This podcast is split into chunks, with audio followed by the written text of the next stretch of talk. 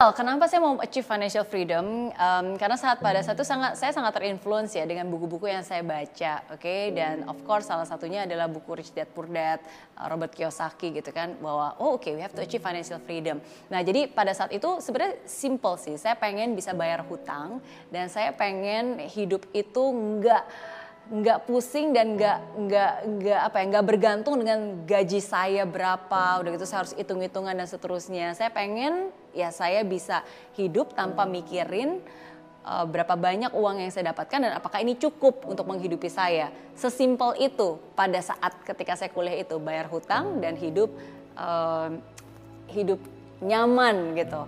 Um, dan akhirnya dari situ saya mulai mempelajari there's a step to financial freedom kan nggak bisa tiba-tiba langsung mendapatkan financial freedom. Pertama, of course tentu saja kalau kita sekarang berada dalam financial mess, then you have to get out from that financial mess and goes into the next level yaitu financial security. At least harus secure dulu nih. At least harus bisa dapat pendapatan. At least um, at least saya bisa membiayai biaya hidup saya yang walaupun pada satu masih minim gitu. Baru ada the next steps lagi ya kan financial security and then financial uh, flexibility ya kan bagaimana dengan uang yang sudah kita dapatkan ya sekarang kita bisa punya fleksibilitas untuk bisa um, menginvestasikan ke tempat-tempat yang mungkin akhirnya bisa mendapatkan uang lebih banyak lagi gitu. Jadi bukan hanya kita yang bekerja, tapi uang kita juga bekerja. Oke, okay? ya dan ya dan the next step. Financial freedom pun juga ada stepsnya.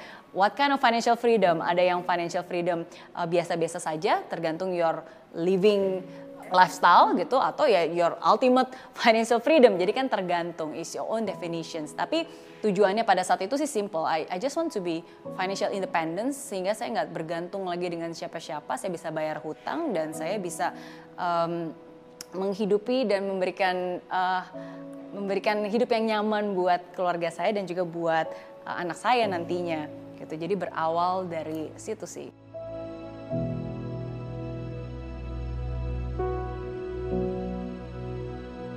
Bukan hanya going to be the next Mary Riana because um, you'll be the next themselves gitu kan? Because there's only one Mary Riana there's one other people gitu. There's one Oprah. Jadi semua ya you have to be the best version of yourself gitu. And and I think each one of us ya kita have to really live to our potential.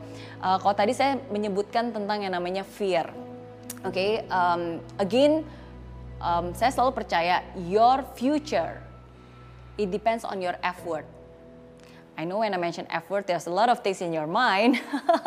okay, but when I mention about your effort, your future, it depends on your effort.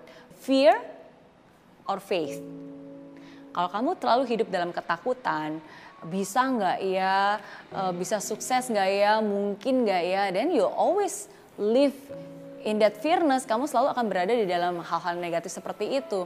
Okay, but I always choose to have faith gitu. Saya selalu percaya, saya percaya bahwa masa depan saya lebih baik daripada keadaan saya sekarang. Saya percaya bahwa saya punya potensial yang saya bisa kembangkan. Saya percaya bahwa um, ketika saya masih berada di hidup ini berarti ada tugas yang harus diselesaikan. Saya percaya bahwa Tuhan akan selalu mengirimkan orang-orang terbaiknya di saat yang tepat, momen yang tepat gitu. And when I have faith in everything that I do, menurut saya itulah yang membuat kita bisa terus berjalan. And if we keep growing, ya yeah, we become better and we become better gitu. Jadi menurut saya again um, Yes, of course.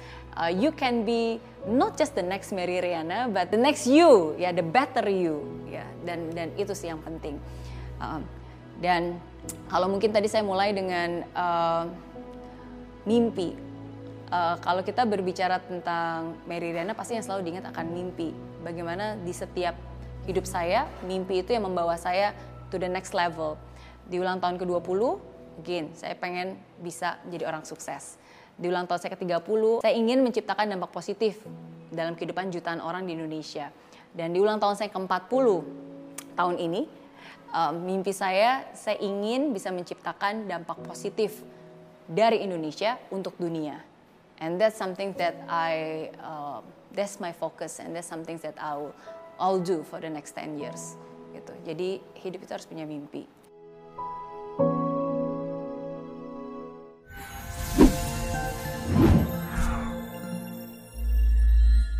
Di aplikasi Mary Riana tersedia lengkap video-video YouTube terbaru saya, artikel yang up to date, post inspirasi, koleksi merchandise, workshop dan seminar yang bisa kamu dapatkan free dan download sekarang juga gratis.